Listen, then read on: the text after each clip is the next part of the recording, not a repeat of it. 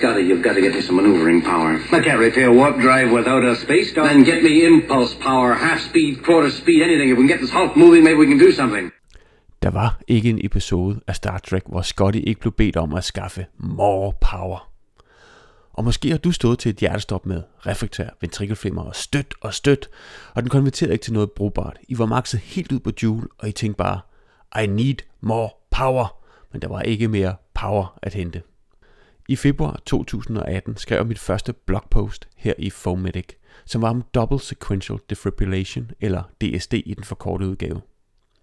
Det handlede netop om, hvad man kan gøre, hvis man ikke kan konvertere de her reflektære ventrikelflimre, hverken med stød eller medicin, og følte, man har lyst til at skrue mere op for julene. Svaret var ret enkelt at sætte to defibrillatorer på patienten og afgive stødet fra dem samtidig, så patienten blev stødt med to defibrillatorer på én gang. Hvorfor så lave en podcast om det, når nu der allerede er lavet et blogpost om det? Jo, ser du, for første gang er DSD nemlig nævnt i guidelines, og det vil vi rigtig gerne kigge lidt nærmere på.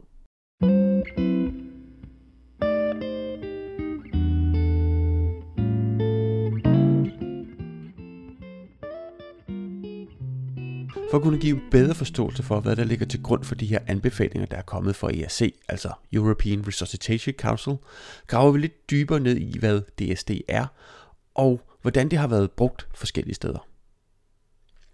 DSD er som sagt, når man sætter to defibrillatorer på patienten afgiver stødet samtidig, eller lige efter hinanden, da det kan være yderst svært at lave det fuldkommen synkront, øh, når man trykker på knapperne samtidig.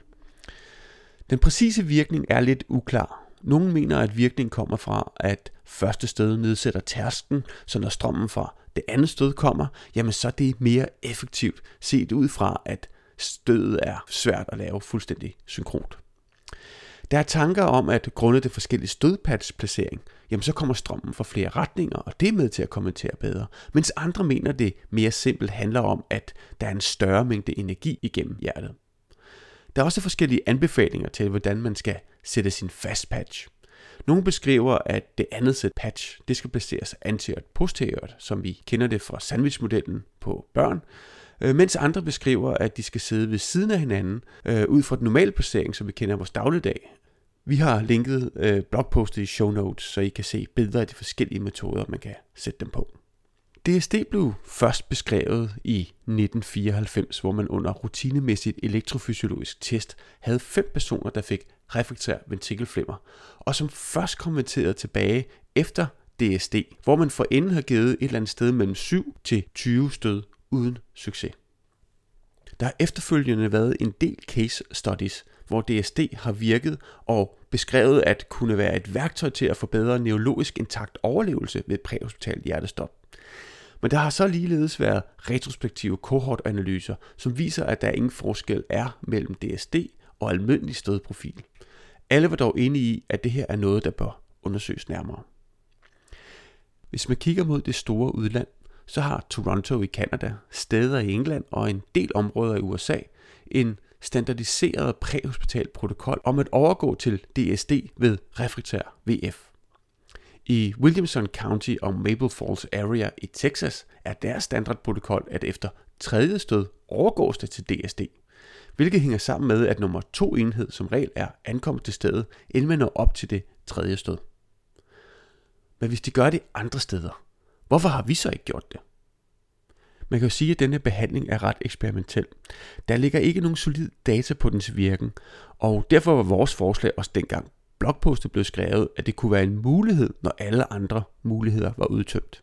Men nu er der som sagt kommet nye guidelines for genoplevning, og hvad siger de så?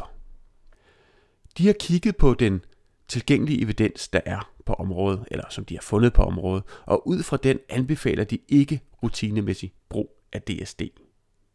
Wow, så alt det her for ingen verdens nytte? Lad os lige dvæle lidt ved det. De anbefaler ikke rutinemæssig brug. Rutinemæssig. Og som de skriver, så er deres anbefaling en svag anbefaling imod. Så en svag anbefaling imod rutinemæssig brug af DSD. Hvad betyder det så for vores virke? nok ikke det store for os, for vi har jo aldrig haft DSD som et rutinemæssigt værktøj, som de har haft i England eller USA eller i Toronto. Så hvis man er til eksperimentel behandling, og alt andet er udtømt, så kan det vel stadig godt være et værktøj i værktøjskassen. Noget, de lægger stor vægt på i 2021 guidelines, er elektrodeplacering. Standardanbefalingen er stadigvæk stanal apikalplaceringen, som vi kender det. Den ene elektrode på højre side under klaviklen, og den anden elektrode i venstre side midt akcelleret ud fra V6 elektrodeplaceringen. Altså under armhulen, der hvor vi sætter V6 elektroden ved et EKG 12. Og hvis I tænker tilbage på de hjertestop, I har været med til, har den venstre elektrode altid været placeret så omhyggeligt i midtakcellær linje ud for V6, eller er den mere eller mindre bare blevet kastet på nogenlunde i det område? Hvor mange gange er den placeret for langt nede eller for langt væk fra den midtakcellær linje? Så hvis man overhovedet skal ud i en eksperimentel behandling med DSD, så skal man stille sig selv nogle vigtige spørgsmål først. Er mine elektroder placeret rigtigt? Er der fuld kontakt? Altså fuld hudkontakt? Er eventuelt hår fjernet, så, jeg kan, så der kan komme fuld hudkontakt? Og har jeg udtømt alle andre muligheder? Men hvad siger de så i udlandet? American Heart Association, forkortet AHA, er også udkommet med deres guidelines. AHA er den amerikanske pendant til EAC, altså Europæisk Råd for Genoplevning. De har i deres guidelines fulgt de anbefalinger, der er kommet fra EAC, hvilket de faktisk skriver ordret. Så deres anbefalinger er ligeledes en svag anbefaling imod rutinemæssig brug af DSD. Så vi kontaktede vores gode ven Dr. Jeff Jarvis, som er vært på IMS Lighthouse Project, der har lavet podcast om netop DSD, som vi linker til i show notes. Men han er også Medical Director for Williamson County og Maple Falls Area i Texas, hvor de netop har rutinemæssig brug af DSD, for at høre, om han vil følge de anbefalinger og ændre i deres protokol. Hans syn var ret interessant, for han er langt fra enig i alle de anbefalinger, der kommer fra AHA. Hans kommentar på DSD var, at han på et tidspunkt var ved at trække protokollen tilbage, da litteraturen begyndte at vise, at der ikke var fordel ved DSD. Men som han siger, var den her litteratur desværre også observationsmæssigt, og de havde alle meget signifikante begrænsninger, såsom selektion og tidsbias.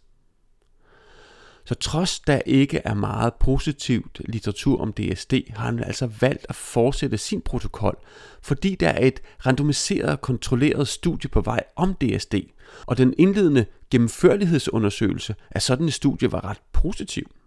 Så når svaret ligger fra det der randomiserede studie, vil han tage stilling til, om der skal stoppes eller fortsættes i hans protokol i hans område.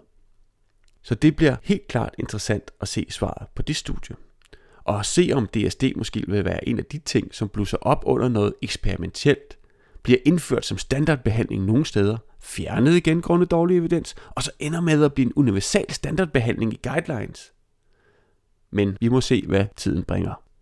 Men indtil nu, så er der en svag anbefaling imod rutinemæssig brug af DSD, og så må det være en individuel faglig vurdering, der kommer til at stå for, om man vælger det i enkelte tilfælde.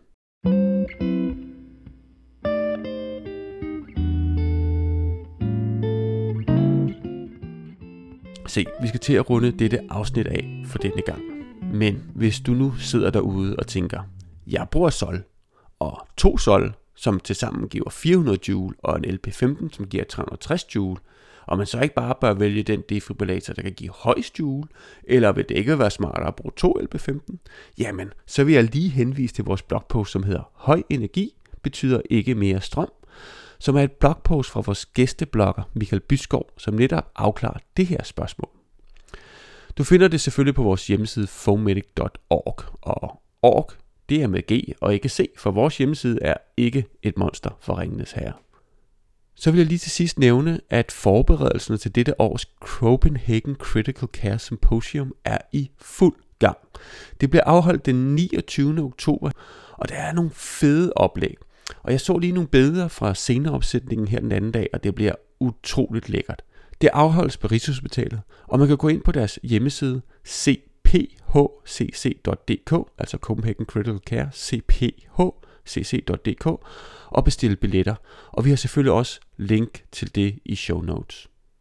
Jamen, det var Fotomatic podcast for denne gang. Den her lille Wii. Jeg hedder Peter Bæk. Vi høres ved.